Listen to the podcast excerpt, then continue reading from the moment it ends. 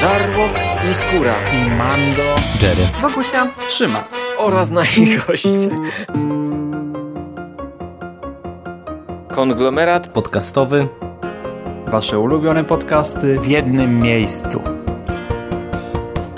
Zapraszamy. Zapraszamy. Zapraszamy. zapraszamy. Zapraszamy.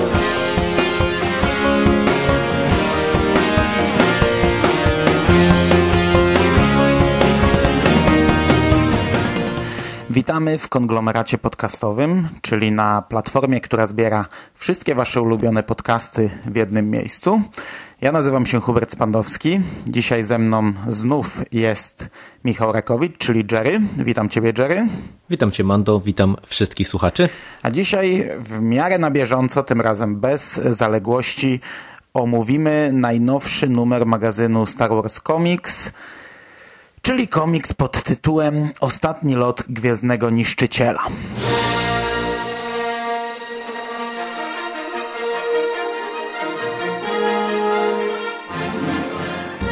Już jest nowy magazyn Star Wars Comics. W każdym numerze jedna zamknięta opowieść komiksowa. Co dwa miesiące w kioskach i księgarniach.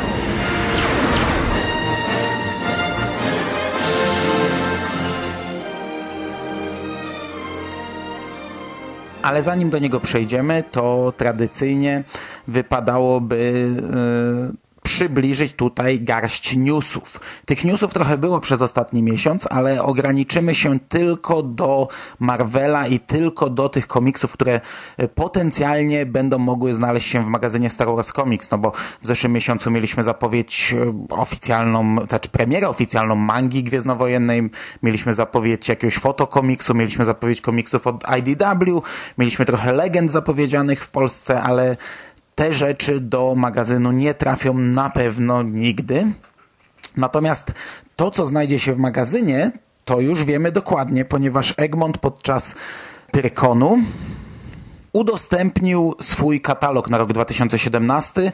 E, katalog w formie papierowej był dodawany do zakupów na stoisku Egmontu, natomiast e, czytelnicy Egmontu, którzy e, na Prykonie nie byli, drogą mailową mieli rozsyłane to w, wersji elektronicznej i tutaj mamy już dokładną rozpiskę do końca roku, co znajdziemy w magazynie Star Wars Comics i no będą to jeszcze trzy komiksy. W sierpniu, na początku sierpnia ukaże się ostatni tom Darta Vadera czyli koniec gry, co no jest y, ruchem akurat um, jakoś szalenie niezaskakującym. Jest to oczywiste, że, że ten komiks byłby następny. Bardzo mnie to cieszy, bardzo fajnie, że zamkniemy całą długą, wielką serię. Mam nadzieję, że Egmont um, wejdzie w ten nowy komiks Darth Vader, bo na chwilę obecną po premierze w Stanach pierwszego zeszytu docierają do mnie same pozytywne opinie, więc mam nadzieję, że od 2000, 2018 roku Egmont wskoczy już w tę nową serię. No, E, oprócz tego dostaniemy w październiku drugi tom Podamerona. To cieszy mnie troszkę mniej, bo jednak oceniliśmy ten komiks dość nisko. A na sam koniec roku, e, w grudniu, kolejny tom e, tej głównej serii Star Wars, której odsłonę również dzisiaj będziemy omawiać i będzie to ta część, w której bohaterem jest Joda, gdzie Luke znajduje jakieś zapiski i czyta historię Jody, nie wiedząc kim jest Joda, nie widząc jego w, w tej księdze, tylko czytając o nim, no bo jak wiemy Luke Jodę spotka dopiero e, w Imperium kontratakuje e, w filmowej wersji. I te trzy komiksy, dwa z nich są oczywiste. Podameron, szczerze nie spodziewałem się, że on się pojawi i trochę nie liczyłem na to. No, mówiliśmy o tym nieraz, liczyłem bardziej na Doktor Afre, ponieważ e, za chwilę dojdzie do tego crossoveru, o którym mówiliśmy, Screaming Citadel i no ciekawe, ciekawe co przyniesie nam rok 2018. I ja akurat wolałbym, żeby w miejsce tego Podamerona wskoczyła e, Doktor Afra, tak szczerze. Ja też bym tak wolał, ale być może Egmont wsłuchał się w pozytywne głosy, bo tak y, czasem y, jak się spojrzy na recenzję Podamerona, no to można odnieść wrażenie, że jesteśmy jedynymi z niewielu, którym ten komiks nie przypadł do gustu, bo w sumie ku mojemu zaskoczeniu no raczej odbiór był pozytywny. No, z jednej strony to cieszy, no bo to pokazuje, że mm, jest potencjał też na te nowe postaci, więc ja po cichu cały czas liczę na to, że y, doktor Afra jednak y, w Polsce zagości.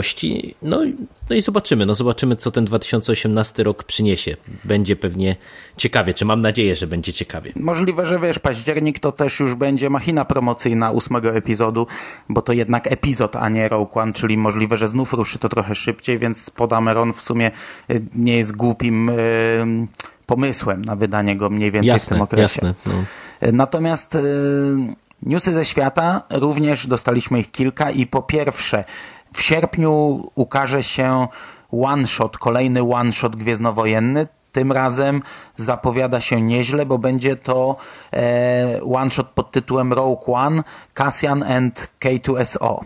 Będzie to jedno zeszytówka, 40-stronnicowy komiks. Przedstawi nam historię, jak poznali się ci dwaj bohaterowie.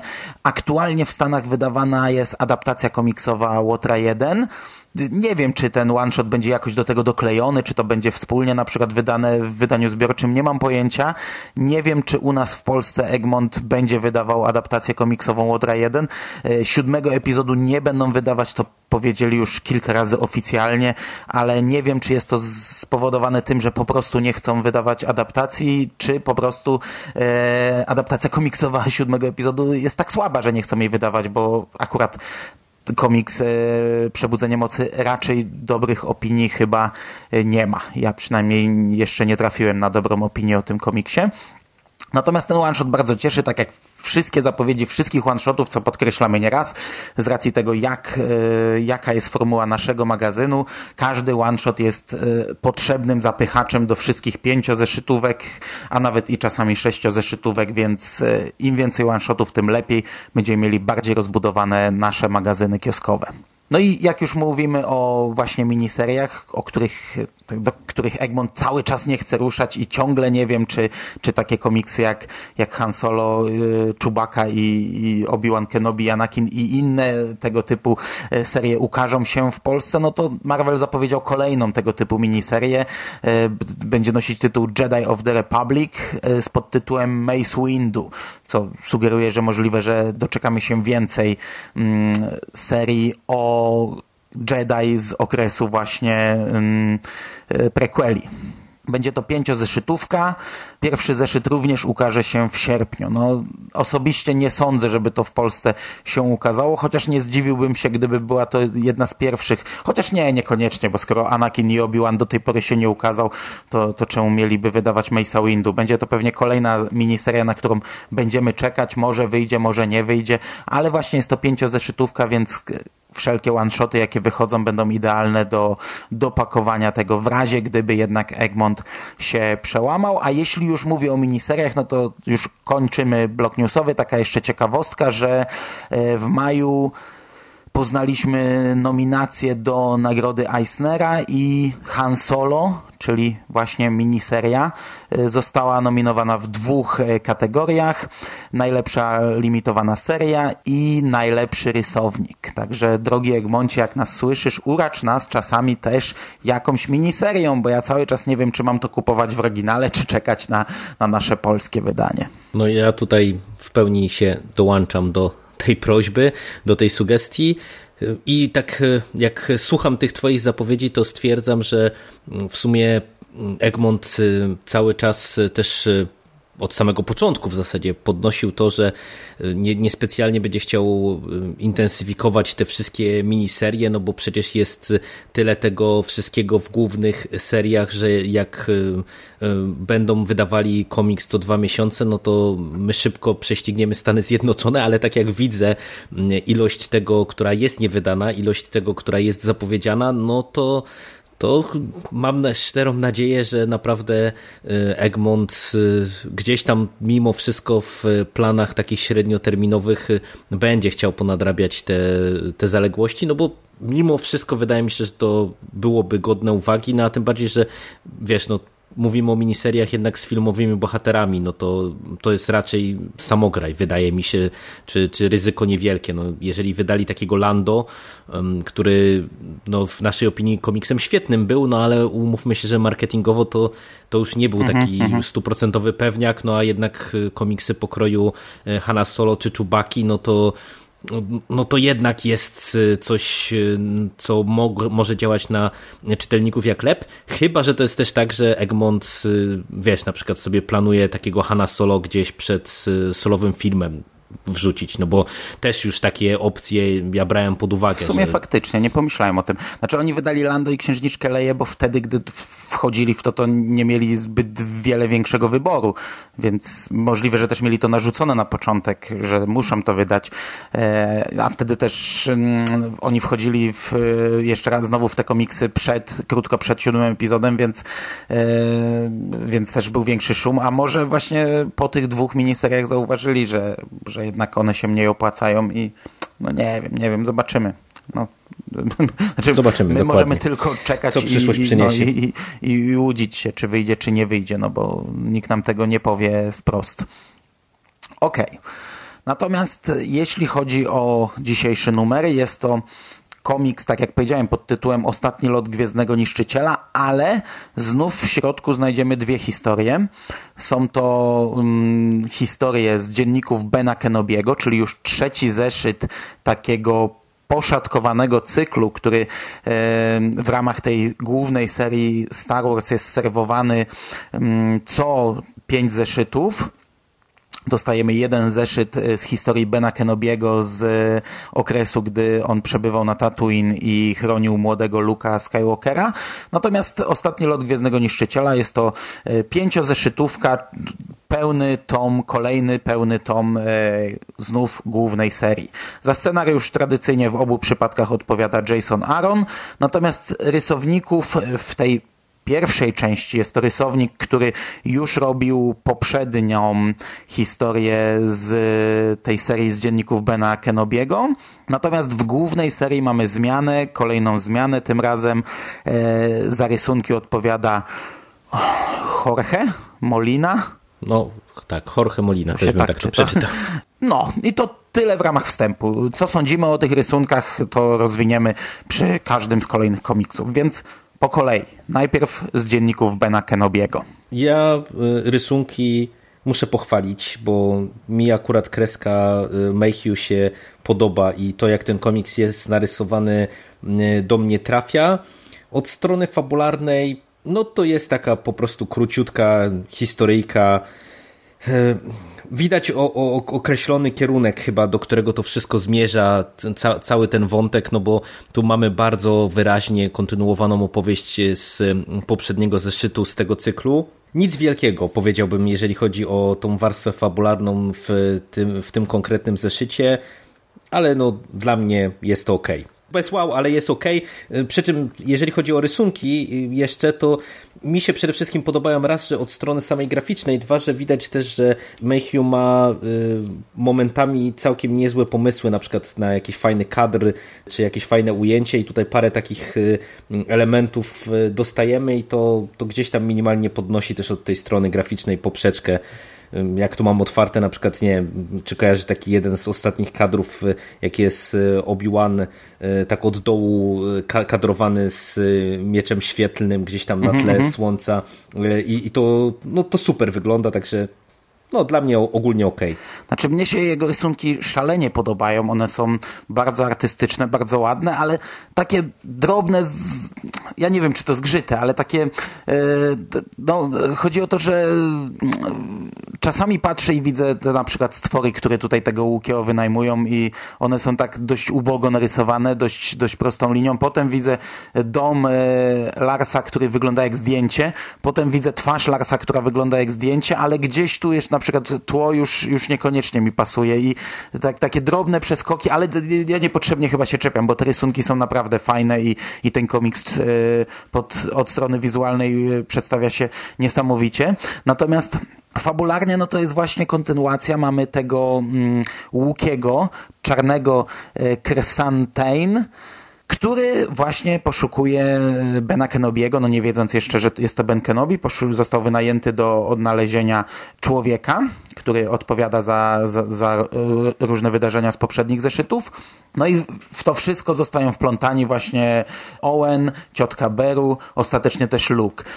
Sama ta główna fabuła, no to fakt, to, to takie po prostu sobie taka tam walka. Tutaj jedyne, co w tym komiksie jest fajne, to jakieś takie drobiazgi, takie smaczki, no bo widzimy na przykład, że Luke już któryś raz ucieka z domu i chce się wydostać z tego Tatooine y, gdziekolwiek, gdziekolwiek, byleby tylko y, zamienić piasek na gwiazdy to taki, taki element, którego nie znaliśmy, że on już opuszczał e, ten e, dom, a druga rzecz to jest takie milczące jakby pojednanie e, właśnie Owena z Benem Kenobim, bo w poprzednim zeszycie byliśmy świadkami ich rozmowy, gdzie Owen tam bardzo dosadnie się wypowiedział, co sądzi o, o, o mieszaniu Luka w jakieś awantury, w jakieś, w jakieś przygody i co sądzi o samym Benie Kenobim, a tutaj podczas tej całej walki mamy takie E, mówię milczące, bo to bardziej widać po mimice i po, i po tam skinieniach głowy w swoim kierunku, takie jakby pojednanie ich, co zobaczymy czym poskutkuje. E, no i to w zasadzie nic więcej ten komik ze sobą nie niesie, poza tym, że Luke znów daje popis lotnictwa i jakoś tam godzi się z wujkiem po ostatnich awanturach.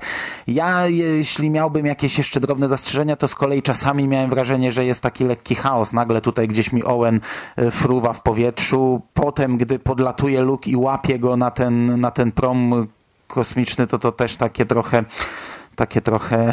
No, to tak, to, to, to takie to trochę przegięte. trzaska, ten go łapie na tę broń, yy, ale to takie pierdołki. Tak naprawdę za chwilę będę miał 100 razy więcej zastrzeżeń i do chaosu, i do, i do rozwiązań fabularnych. Także ogólnie ten zeszyt ok nie rzuca na kolana, ale okej. Okay. Tak, to, to jest, to jest tak jak wspomniałem, też moja opinia I, i też się zgadzam, że akurat jeżeli miałbym coś wyróżnić, to zdecydowanie ten e, taki wątek na linii Lars e, Obi-Wan to fajnie wypadło tutaj. Także to in plus. I na tym y, można powiedzieć kończymy to, co dobre w tym numerze Star Wars Comics. Ja nie wiem, czemu I... się śmieję, to smutne, bo niestety tu spoiler, ale znów będziemy się zgadzać i w moim odczuciu ten komiks, który za chwilę omówimy jest najgorszym, jaki dostaliśmy do tej pory w ramach e, tego magazynu. Jest to historia jednostki. Głównie, znaczy jest to historia, która zaczyna się od e, poznania takiej specjalnej jednostki, jednostki SCAR. Jest to specjalny oddział 99, e, takiej elitarnej jednostki szturmowców, którą tak naprawdę już poznaliśmy odrobinę e, w finale rebelianckiego więzienia. Oni, oni mają tam swoje cameo, pojawiają się na ostatnich stronach, odbijają tego, znaczy, czy odbijają nie, w zasadzie e, tam nie jest pokazane, czy oni go chyba odbijają, oni pojawiają, nawet nie wiem, czy oni pojawiają się w tym więzieniu. Dobra, nieważne, nieważne. Grunt, że pojawiają się w końcówce rebelianckiego więzienia. Są tam narysowani znacznie lepiej, ale o tym za chwilę. Zresztą w tamtym komiksie o, oni są, przynajmniej ten główny szturmowiec jest z odbiciem lustrzanym tego, który jest tutaj. Nie wiem, czy to błąd, czy to, czy to, co to, czemu tak wyszło, no ale tak wyszło. E, ten naramiennik ma z drugiej strony e, w tamtym komiksie. Natomiast tak, tutaj mamy po pierwsze historię tej elitarnej jednostki, która e, no powiedzmy przedstawia nam szturmowców w końcu z innej strony, ale to wcale nie jest pozytywne, bo teraz mamy przerysowane to w drugą stronę.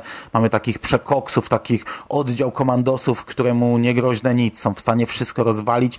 Do tego oni są wszyscy dość mocno indywidualni, spersonalizowani.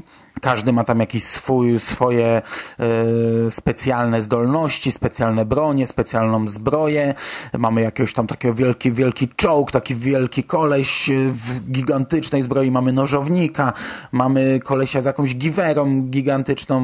Oni mają jetpacki, latają i tak dalej, i tak dalej. No i po... No to jest jak, jak, jak z filmu akcji z lat 80. Wyobraźcie sobie elitarną drużynę komandosów, to będziecie wiedzieli od razu, jak to wygląda, bo to jest po prostu prostu ten dokładnie schemat. Znaczy to też nie jest żadna nowość w Gwiezdnych Wojnach, bo już takie elitarne jednostki, czy to klonów, czy szturmowców były, chociaż wydaje mi się, że nie aż tak przerysowane, bo to jak spojrzymy na nich, to, to niby było celem e, i scenarzysty, i właśnie rysownika. Jason Aaron wypowiadał się e, w tym okresie, gdy wprowadzany był nowy rysownik, że właśnie chciał przedstawić szturmowców jako coś wyjątkowego, że to nie jest mięso armatnie, które można zamienić czymkolwiek, tylko żebyśmy właśnie również jakoś zżyli się z danymi szturmowcami, no ale tu jak na nich spojrzymy, to oni już wyglądają przekomicznie, bo właśnie jeden jest jakimś tankiem z malutką główką gumbasa, drugi ma jakieś rury odkurzacza wychodzące z twarzy, trzeci jest pomalowany i ma jakiś tam e, miotacz, e, czwarty ma noże na, na, na całej, na piersi w takim pasie, e, szósty ma, piąty czy szósty ma pelerynę i, i kaptur na zbroi, która czemu ma służyć, to, to tylko on wie pewnie i tak dalej, i tak dalej. Właśnie taki oddział całkowicie dziwaczny już pod względem, pod względem wizualnym już kompletnie taki narysowany w taki sposób, żeby każdy był inny. No i my ich poznajemy, już, już na początku dowiadujemy się dużo, a w zasadzie no, rozpoznajemy ich przywódcę, e, bo pierwszy zeszyt jest pisany w pierwszej osobie, on nam opowiada o, o tym, co robią i opowiada o sobie, tak samo jak pierwszy zeszyt ten z Benem Kenobim był pisany w taki sposób. I dowiadujemy się, że jest to ten człowiek, który e, w Narszada służył, czy służył, no, współpracował z tym chatem, który mm, w drugim tomie, czyli e, wojna o wojna na Księżycu Przemytników, e, prowadził tę arenę mm, i zbierał kolekcję różnych tam artefaktów, sitów czy Jedi. To był ten chat, który chodził na tych nóżkach, który potem pojawił się też e, w e, w komiksie Podameron. No i wtedy już wiedzieliśmy, że ten człowiek, z którym on e, współpracuje, potrafi władać mieczem świetlnym i tutaj właśnie nasz główny przywódca tego oddziału szturmowców, tej, tego oddziału SCAR również posługuje się mieczem świetlnym. No i pierwszy zeszyt to jest takie wprowadzenie, właśnie pokazana jedna ich misja, jedna akcja, a potem przenosimy się już na, na znany grunt do naszych bohaterów, którzy e, którzy odbijają Gwiezdny Niszczyciel, przejmują Gwiezdny Niszczyciel, kradną go, prowadzą taką swoją akcję. Ta akcja jest opisana trochę poszatkowane, to jest tak, że najpierw widzimy akcję nie, nie wiedząc, co oni robią, potem myślimy, że oni umarli, potem dowiadujemy się, że nie umarli, że odbili w kilka osób cały Gwiezdny Niszczyciel i teraz próbują nim lecieć i, i zniszczyć blokadę. No i ostatecznie y, jedna i druga grupa dochodzi do konfrontacji zarówno tych szturmowców, jak i naszych bohaterów. No i to jest tak w zarysie, powiedzmy, historia tego komiksu. No i ja powiem od razu tak, że w założeniach, tak jak teraz y, streściłeś fabułę całej tej historii, to to nie wygląda może źle, bo y, takie nieco inne przedstawienie szturmowców mogłoby być interesujące. No i taka akcja z Gwiezdnym Niszczycielem to też mogłoby być y, coś no, ciekawego przynajmniej. Natomiast niestety wydaje mi się, że tutaj akurat Aaron się wyłoży, wyłożył na całej linii, bo o ile jeszcze ten pierwszy zeszyt pisany z perspektywy Krilla, czyli tego, tego sierżanta, którego poznaliśmy w y, tym albumie Walka na Księżycu Przemytników, y, on jest jeszcze w miarę okej. Okay. No, cały ten oddział jest mega przerysowany, tak jak wspomniałeś, ale jakby sama ta historia, ja ją jeszcze jestem w stanie mm, kupić. Natomiast niestety całe zło tego albumu e, od strony fabularnej, bo do grafiki jeszcze zaraz przejdziemy, myślę, mm, rozpoczyna się wraz z mm, pojawieniem się na scenie e, naszych głównych postaci i tu ja mam całą e, masę zastrzeżeń, bo po pierwsze ta historia to jest taki typowy wypełniacz. Y, my żeśmy trochę y, na to, no, czy narzekali, to może złe słowo, zwracaliśmy na to uwagę przy okazji wojny o Shutorun, że tam w zasadzie no, teoretycznie tuż przed finałem dostajemy historię, która można powiedzieć nie ma jakiegoś większego znaczenia dla całego głównego wątku, no ale dostawaliśmy przynajmniej naprawdę bardzo fajną, zwartą, dobrze opowiedzianą, dobrze narysowaną historię. Tutaj niestety ta historia jest po prostu historią dla mnie totalnie, za przeproszeniem, z dupy. Bo to jest taka y, opowieść, gdzie no tak jak już tam zasugerowałeś, no w parę osób oni odbijają Gwiezdny Niszczyciel, który też pada nawet to przecież na kartach komiksu, że potrzebuje załogi kilkutysięcznej, żeby nim sterować, a oni mają tam, nie wiem, 100 czy, czy 200 rebeliantów i decydują się na to, żeby tym gwiezdnym niszczycielem latać. To już samo w sobie jest idiotyczne, ale jak y, się dowiadujemy, jakby jaki jest cel w ogóle całej tej akcji, no to już jest kolejny, po prostu kolejna piramidalna bzdura.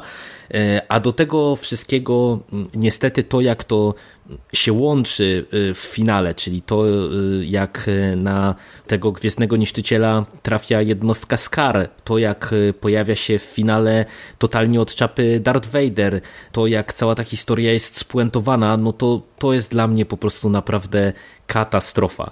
I co jeszcze jakby od strony fabularnej jest dla mnie takim najgorszym elementem, to to, że ten komiks kompletnie nie może się zdecydować na to, czym on w zasadzie chce być. Czy on chce być taką lekką przygodową opowiastką, czy on chce właśnie być taki trochę mroczniejszy i pokazać nam tą elitarną jednostkę. E, no bo tu mamy takie sceny totalnie od czapy, takie proste śmieszki na zasadzie po prostu absolutnie kuriozalny wyścig pomiędzy Hanem a Leją o to, kto będzie dowódcą okrętu i to wiecie, to jest przeidiotyczne dla mnie z, z tej perspektywy, że no dowiadujemy się, że cała ta misja y, jest y, y, bardzo ważna, czy no jakoś tam kluczowa dla rebelii w tym momencie. Oni walczą z czasem, walczą z, tych, z technikaliami, no i dostajemy prawie cały jeden zeszyt poświęcony na po prostu takie, wiecie, przedszkolne przepychanki pomiędzy no, tymi głównymi postaciami. I niby gdzieś tam wprost jest zasugerowane, jaki jest cel tej konkretnej przepychanki, żeby pokazać to rodzące się uczucie pomiędzy bohaterami, no ale to nie zmienia postaci rzeczy, że to po prostu wypada katastrofalnie źle. No właśnie pod tym względem ten komiks jest, jest, jest bardzo zły, bo ja nie mam problemu z tym, że to jest wypełniacz, bo ta seria tak naprawdę, ona do niczego nie zmierza tak konkretnego. Tutaj to nie jest seria, która zmierza do jakiegoś finału, jest, będzie ciągnięta w nieskończoność i pewnie każdy kolejny tom będzie jakimś tam wypełniaczem. No, rebelianckie więzienie też przecież poza tam jakimiś e, elementami to ono nie budowało, nie było jakimś elementem jakiejś większej historii. No, e, no tak, tak to po prostu tak to wygląda. Jeszcze, jeszcze na samym początku to szło w tym kierunku, że Luke gdzieś tam e, próbował odnaleźć jakieś dziedzictwo Jedi, coś takiego. Teraz już tego w zasadzie chwilowo nie ma. Natomiast ja mam właśnie problem z tym, z tymi głupotkami takimi, bo po pierwsze ten cały plan już w ogóle od, od momentu samego startu tego planu, no jak oni tam e, wpadają na pomysł, że muszą ugrać Gwiezdny Niszczyciel, a tutaj wielkie dowództwo rebelii e, kwituje to tym, że tak, gdy, gdyby to powiedział ktoś inny, to powiedziałabym, skierowałabym go na badania psychologiczne, ale skoro to księżniczka Leia i Luke Skywalker, no to jasne, jasne, róbcie, mówi Mon Mothma na wielkim zebraniu rebeliantów. I, i ten cały ich plan to też jest dla mnie taki, taki za, za bardzo chaotyczny i to już zarówno na wstępie, jak i na końcu ten komiks jest dla mnie naprawdę chaotyczny, bo tu z rysunku na rysunek, po prostu z kadru na kadr e, przeskakujemy coś, wiesz, tutaj zaraz wybuchnie, tutaj wyrzucamy to, w następnym kadrze jest to i, i w finale mamy dokładnie tak samo, wiesz, yy, rzucę granatem, wysadziłem yy, kokpit, jesteśmy w, w przestrzeni kosmicznej, nagle podlatuje soku i nas zgarnia, no z kadru na kadr po prostu taki, taki zbiór przypadków, zbiór zestaw wydarzeń,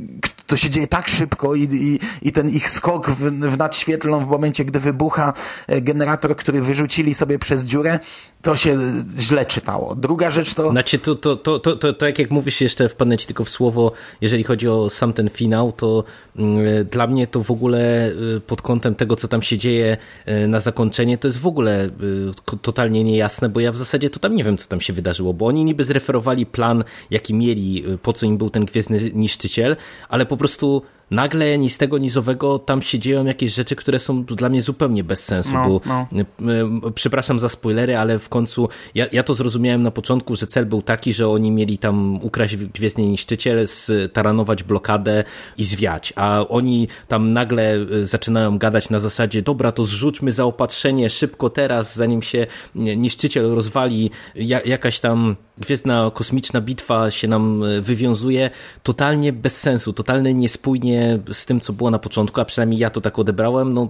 mega, mega dziwna no, jazda. W ogóle oni tam lecieli bez niczego, czyli w ogóle jakby bez planu, nie wiadomo no właśnie, po co lecieli, skąd, kłócili się skąd cały w czas. ogóle tutaj, na przykład to całe zaopatrzenie, nie? mówi, po co my tam lecimy, no weźmy gdzieś, stańmy i ten, i naprawmy ten, ten Gwiezdny Niszczyciel. Nie, nie, musimy lecieć, musimy lecieć, gdzie nie mieli broni, niczego i w zasadzie wlecieli jak takie, jak takie, po prostu, jak taki taran. Wlecieli i stuknęli w dwa inne niszczyciele, w ogóle bez żadnego planu, a nagle tu Artu już działają, działa, więc możemy strzelać, już działa to, to wszystko po prostu się wydarzyło od tak, pachnie. Nagle w ogóle równie dobrze, znaczy w zasadzie prawdopodobieństwo tego, że się wydarzy, to było prawie, że niemożliwe. Także nie rozumiem, po co oni tam lecieli, właśnie skąd to zaopatrzenie, skąd to wszystko. Druga rzecz, że wiesz, te dialogi między nimi też są kretyńskie, bo tak jak już y, ten cały start, to mówię, to, ta, ta przemowa Mon Motmy, no to proszę cię, ale oni sami mówią, że nie działa nam hipernapęd. Jesteśmy po prostu gdzieś tam w czarnej dupie kosmosu, y, tam wiele lat świetlnych od w ogóle czegokolwiek, a za chwilę mówi, że została im godzina drogi. No toś godzina drogi, to, to planetę powinno być widać, nie? No, no, no, no, no co, co mam ci powiedzieć? No głupie a to oni, jest. A oni bez hipernapędu została godzina drogi, a ten cofnijmy się, nie, nie cofamy się, to już by ich w ogóle tam widzieli wszyscy z tej blokady, gdyby im została godzina drogi, w ogóle skąd godzina drogi, jak nie włączyli hipernapędu, no.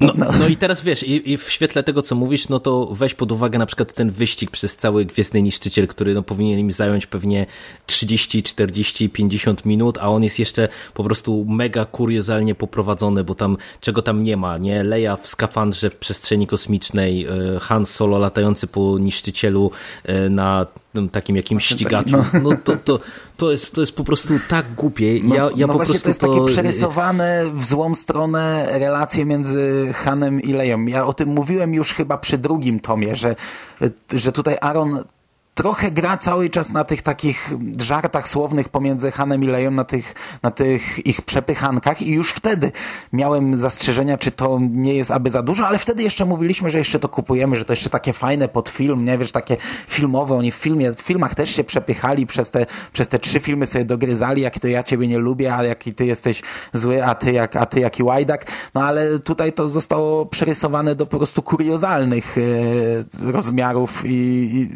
no jest to absurdalne, no, no jest to absurdalne. No a do tego jeszcze trzeba wziąć pod uwagę, że ta jednostka, która też nie wiadomo na jakiej zasadzie się znajduje w tym miejscu, co się znajduje. Znaczy oni to chyba wyciągnęli po prostu z tego y, szefa jakiegoś rebelii, którego złapali w pierwszym zeszycie. On, on, no oni tak, powiedzieli, że złamanie to... komputerów zajmie nam tydzień czy tam coś, szybciej złamiemy jego. No to był pewnie ten admirał, czy...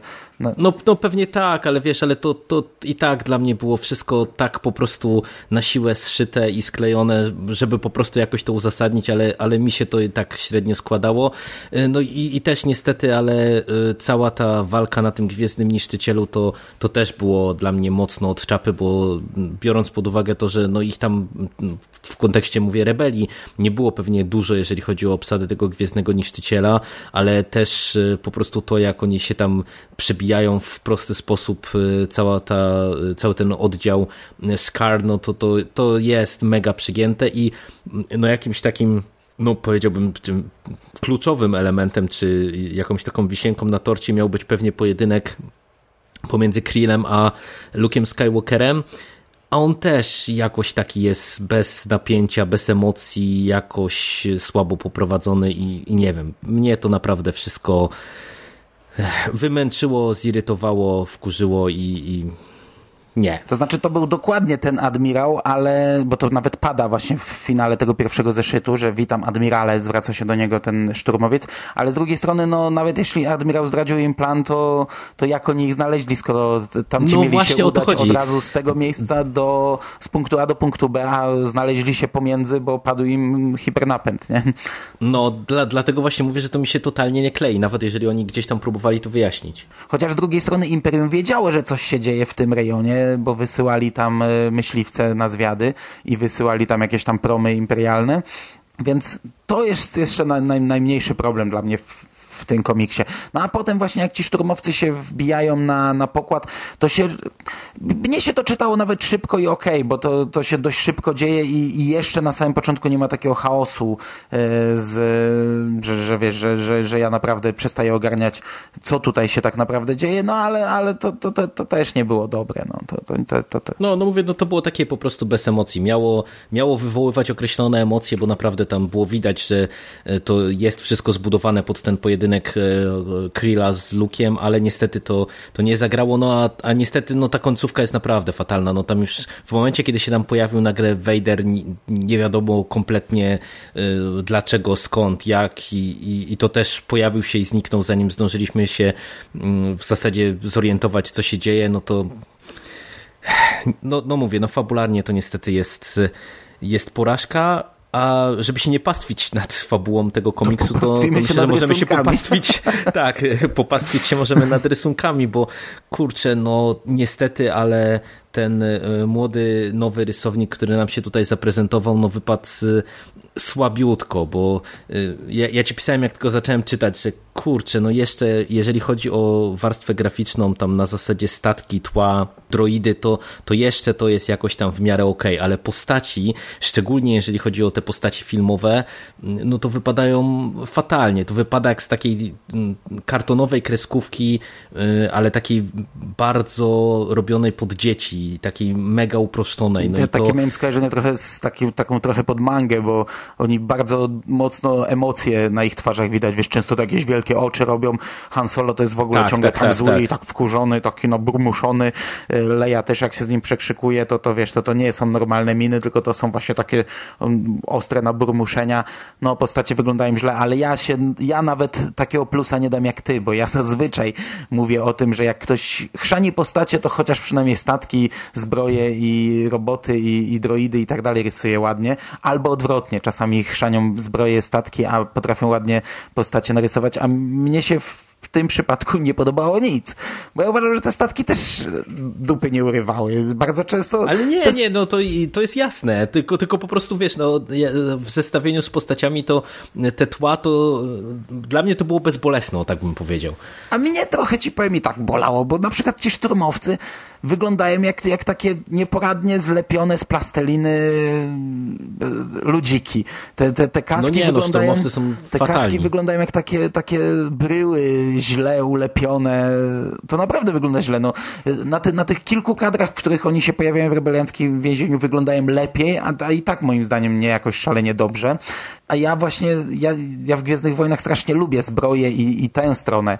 Ja, jak kupuję sobie figurki, to zazwyczaj kupuję jakieś e, postacie w zbrojach, albo, albo właśnie lubię oglądać statki, lubię oglądać zbroje, także to jest dla mnie w sumie najfajniejsze w takiej wizualizacji tego świata. Ale tutaj i inne rzeczy też, wiesz, na przykład mm, właśnie jak mamy przestrzeń kosmiczną, to te statki po pierwsze są dość, dość e, ubogo rysowane, po drugie tło jest dość ubogie, po trzecie kolorystyka mi się strasznie nie podoba w tym komiksie, bardzo często właśnie w przypadku bitew kosmicznych, bo to jest takie taki brzydki odcień granatu nieba i taka brzydka zieleń I, i, bardzo często tutaj właśnie się przewija ten granat i ta zieleń.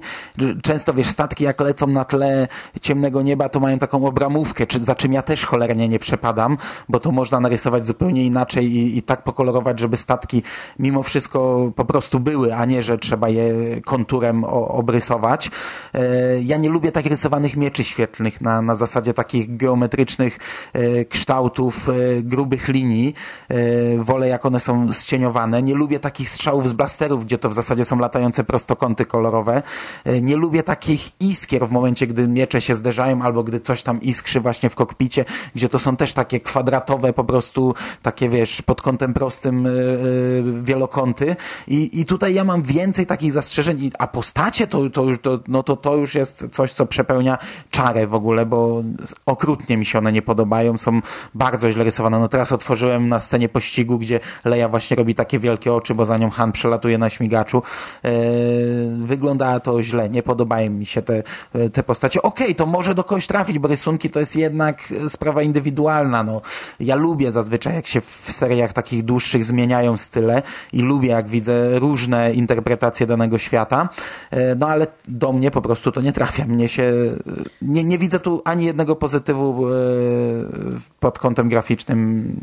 Nie znajdę ci ani jednego rysunku, który mi nie, się no to mówię, chyba. to ja, ja, ja się w zasadzie ze wszystkim zgadzam. No dla mnie y, głównie, jeżeli chodzi o statki, to, to po prostu mnie tak aż bardzo nie bolało, jak właśnie te pozostałe elementy, o których ty mówisz. Natomiast ja mam y, graficznie przede wszystkim taki problem, że Tutaj y, w paru kadrach ja widzę, co na przykład Aaron chciał zrobić od strony scenariuszowej, bo mamy taki kadr i takie ujęcie Krilla z mieczem świetlnym w tym pierwszym zeszycie które powinno robić wrażenie. Mm -hmm. I kurczę, to jest tak słabo narysowane. No to powinno to być właśnie tak, coś takiego tak jak, źle jak skomponowane. ten Kenobi na, na tle, tylko że no, jeszcze bardziej szokujące, bo nagle szturmowiec wyciąga miecz świetlny. Nie? No właśnie i, i wiesz, i, i to, to mnie mega boli, że po prostu ja tu widzę na przykład, też jest taki kadr dwustronicowy, to w zasadzie cały panel dwustronicowy e, z bitwą kosmiczną, gdzie na przykład e, ja chwaliłem w Vader Down, że tam po prostu było tak, że przewraca stronę, nagle widzisz mm -hmm, bitwę mm -hmm. kosmiczną kosmiczną i po prostu zaliczasz opad szczęki, a to jest po prostu takie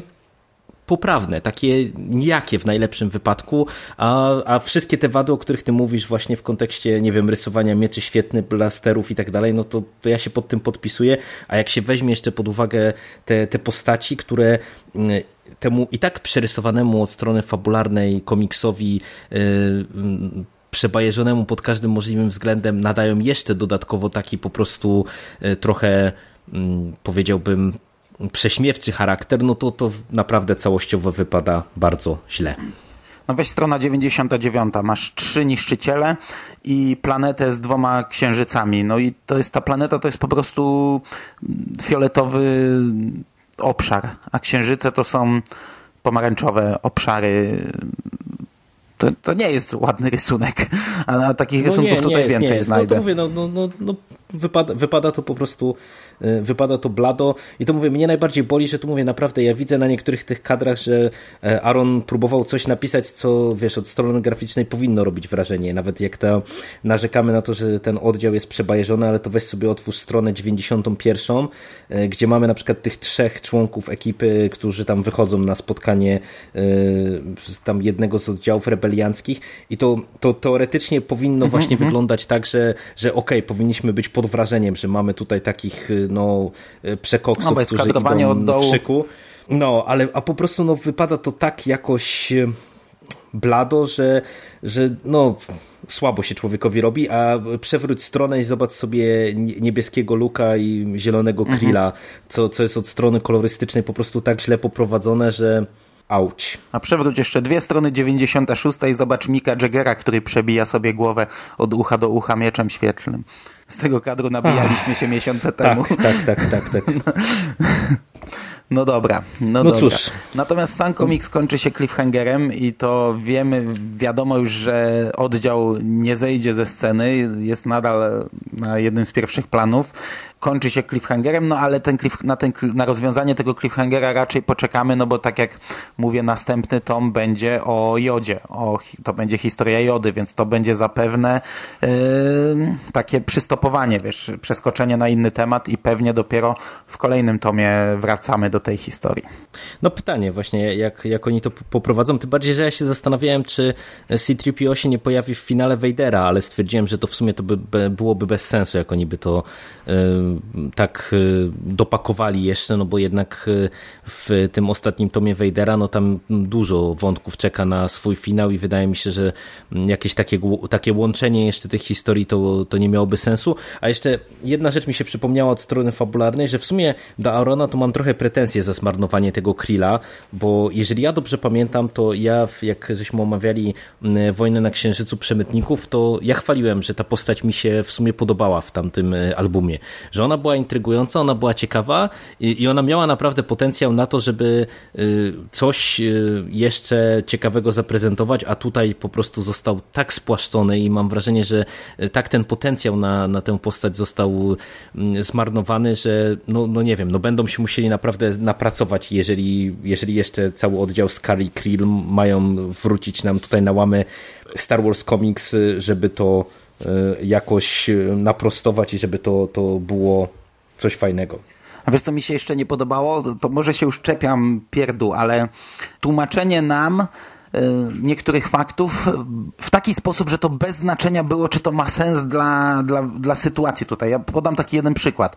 Oni ukradli ten Gwiezdny Niszczyciel i to zostało pokazane nam tak, że my myśleliśmy, że oni zginęli w wybuchu. Natomiast za chwilę mamy kadr tydzień później, przeskakujemy o tydzień i znajdujemy się w tym Gwiezdnym Niszczycielu, dowiadujemy się, że oni żyją, że są w nim i oni nam w tym momencie tłumaczą, jak to zrobili, ale tłumaczą przez dialog między sobą i tutaj na przykład Luke mówi coś takiego do do Sejny. Byłem w maszynowni. Mieliśmy szczęście, że udało nam się umknąć, kiedy reaktor eksplodował, ale to sprzężenie usmażyło hipernapęd na dobre. No kurczę, on to nam tłumaczy, nie? Żebyśmy my wiedzieli, skąd oni się tu wzięli. No ale on no, nie no, musi jasne, tego mówić bohaterce, szczególnie, że oni tam spędzili tydzień próbując naprawić ten hipernapęd, a on jej w tym momencie mówi, że byłem, w, gdy eksplodował, gdzie oni wszyscy tam byli i wszyscy to wiedzieli i, i to nam usmażyło hipernapęd, gdzie oni to doskonale wiedzą, bo od tygodnia próbują to naprawić. Nie? No i ja nie, nie lubię czegoś takiego. Ja wiem, że to się czepiam pier pierdół, ale nie lubię czegoś takiego, jak mi bohaterowie rozmawiają ze sobą bez sensu, gdzie to nie ma sensu tylko po to, żeby mi to wytłumaczyć, nie?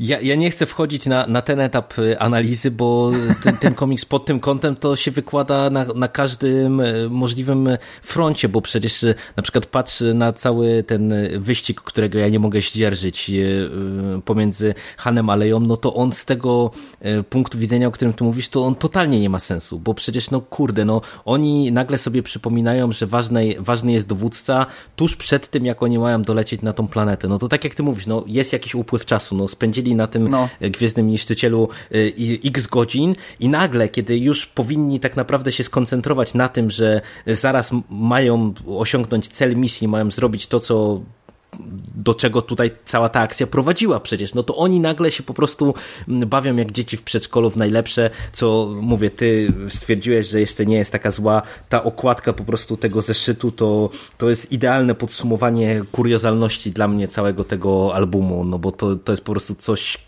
no ale postacie wyglądają ładnie i są uśmiechnięci. A, no a dzieci wyglądają ładnie. No, wyglądają, no znaczy, to, mówimy to wygląda... dokładnie o okładce trzeciego zeszytu, może podlinkujemy, tak, jakbyście no, i, i, i, te postaci, Ale są uśmiechnięci, te, te postaci a w wygląda... byli no, brmuszeni. Fakt, że tutaj to w ogóle no, biegną tak, takie, no. jakby po narkotykach byli.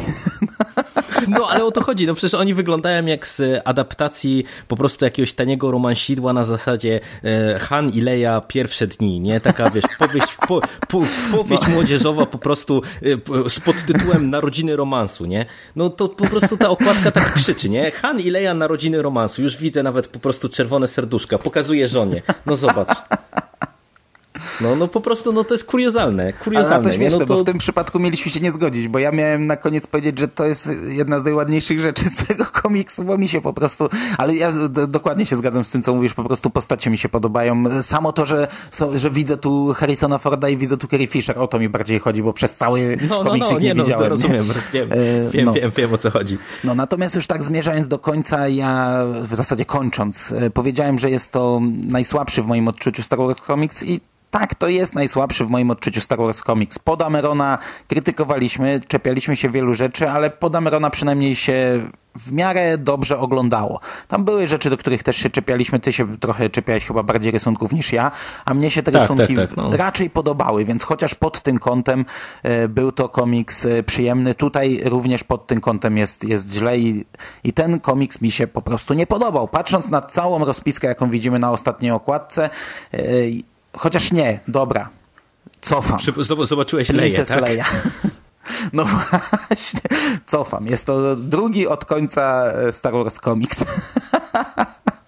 No, no ja się biłem z myślami długo, czy właśnie y, księżniczka Leia, czy Chociaż czy w Lei to, przynajmniej ale... było rozbite Imperium. No ale tutaj ale nie, tu jest ale wiesz to... Kenobi, więc to też jest jakiś plus. Znaczy nie, ja właśnie biłem się z myślami, ale ja chyba uważam, że to jest faktycznie najgorszy numer dla mnie, bo w bo księżniczce wyparłeś Leję, Lei... wyparłeś z pamięci. Leia no, była no, bardzo zła. Pe pe pewnie wyparłem z pamięci ją częściowo, ale ja pamiętam tam, że, z, z tamtego komiksu, że ja widziałem, co tam scenarzysta chciał zrobić i w sumie mi założenia tej historii się jakoś tam podobały. To, że to nie wyszło, to, to wiesz, to była inna bajka. Natomiast tutaj to niestety jest, ta historia jest głupia, jest źle poprowadzona, fatalnie rozpisana pod kątem dialogów, a od strony rysunkowej waha się pomiędzy bardzo złą, a poprawną, z toną zmarnowanego potencjału, bo mówię, mnie najbardziej bolą te takie kadry, gdzie ja widzę, jeszcze teraz tak jak kartkowałem, to na przykład trafiłem na taki, na taki kadr, jak cały ten oddział Skar wchodzi na Gwiezdny Niszczyciel i oni się tak mają wyłonić jakby z mroku. I to jest, i po prostu ja widzę ten kadr i czuję, że po prostu scenarzysta zrobił to tak, że to powinno zrobić wrażenie, że ja powinienem po prostu zajrzeć w tym momencie opad szczęki, a ja w tym momencie ziewam. I, i się wkurzam na to, że po prostu nawet coś tak teoretycznie prostego, mm -hmm. jak wiesz, pokazać ten, e, tych paru przekoksów, którzy wchodzą na Gwiezdny Niszczyciel i po prostu my powinniśmy być e, w strachu o naszych bohaterów, bo właśnie tutaj cała ta ekipa wdarła się na statek, no to, to, to jest jeden wielki ziew i no i to wypada po prostu źle. No dla mnie to niestety jest najsłabszy magazyn całościowo jak do tej pory. No i mam nadzieję, że finał Wejdera nam to zrekompensuje z nawiązką. No i to by było na dzisiaj wszystko. Nie ma tak, co już się dłużej trochę... pastwić i tak mieliśmy to zrobić w 30 minut. Wyszło jak zawsze. Ja Ci bardzo dziękuję za rozmowę. Na szczęście przed nami i to już niebawem, bo za półtora miesiąca, 8 sierpnia, mm, ostatni tom Darta Vadera, na który obaj ostrzymy pazury i za który weźmiemy się pewnie bardzo szybko.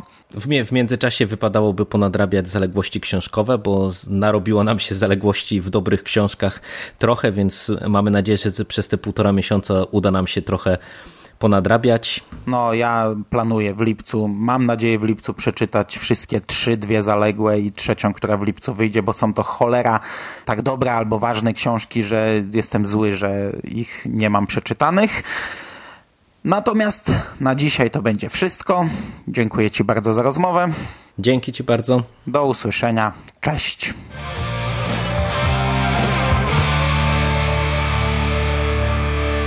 You finished? Man. Game over, man. It's game over. What the fuck are we gonna do now? What are we gonna do? It's over. Nothing is over.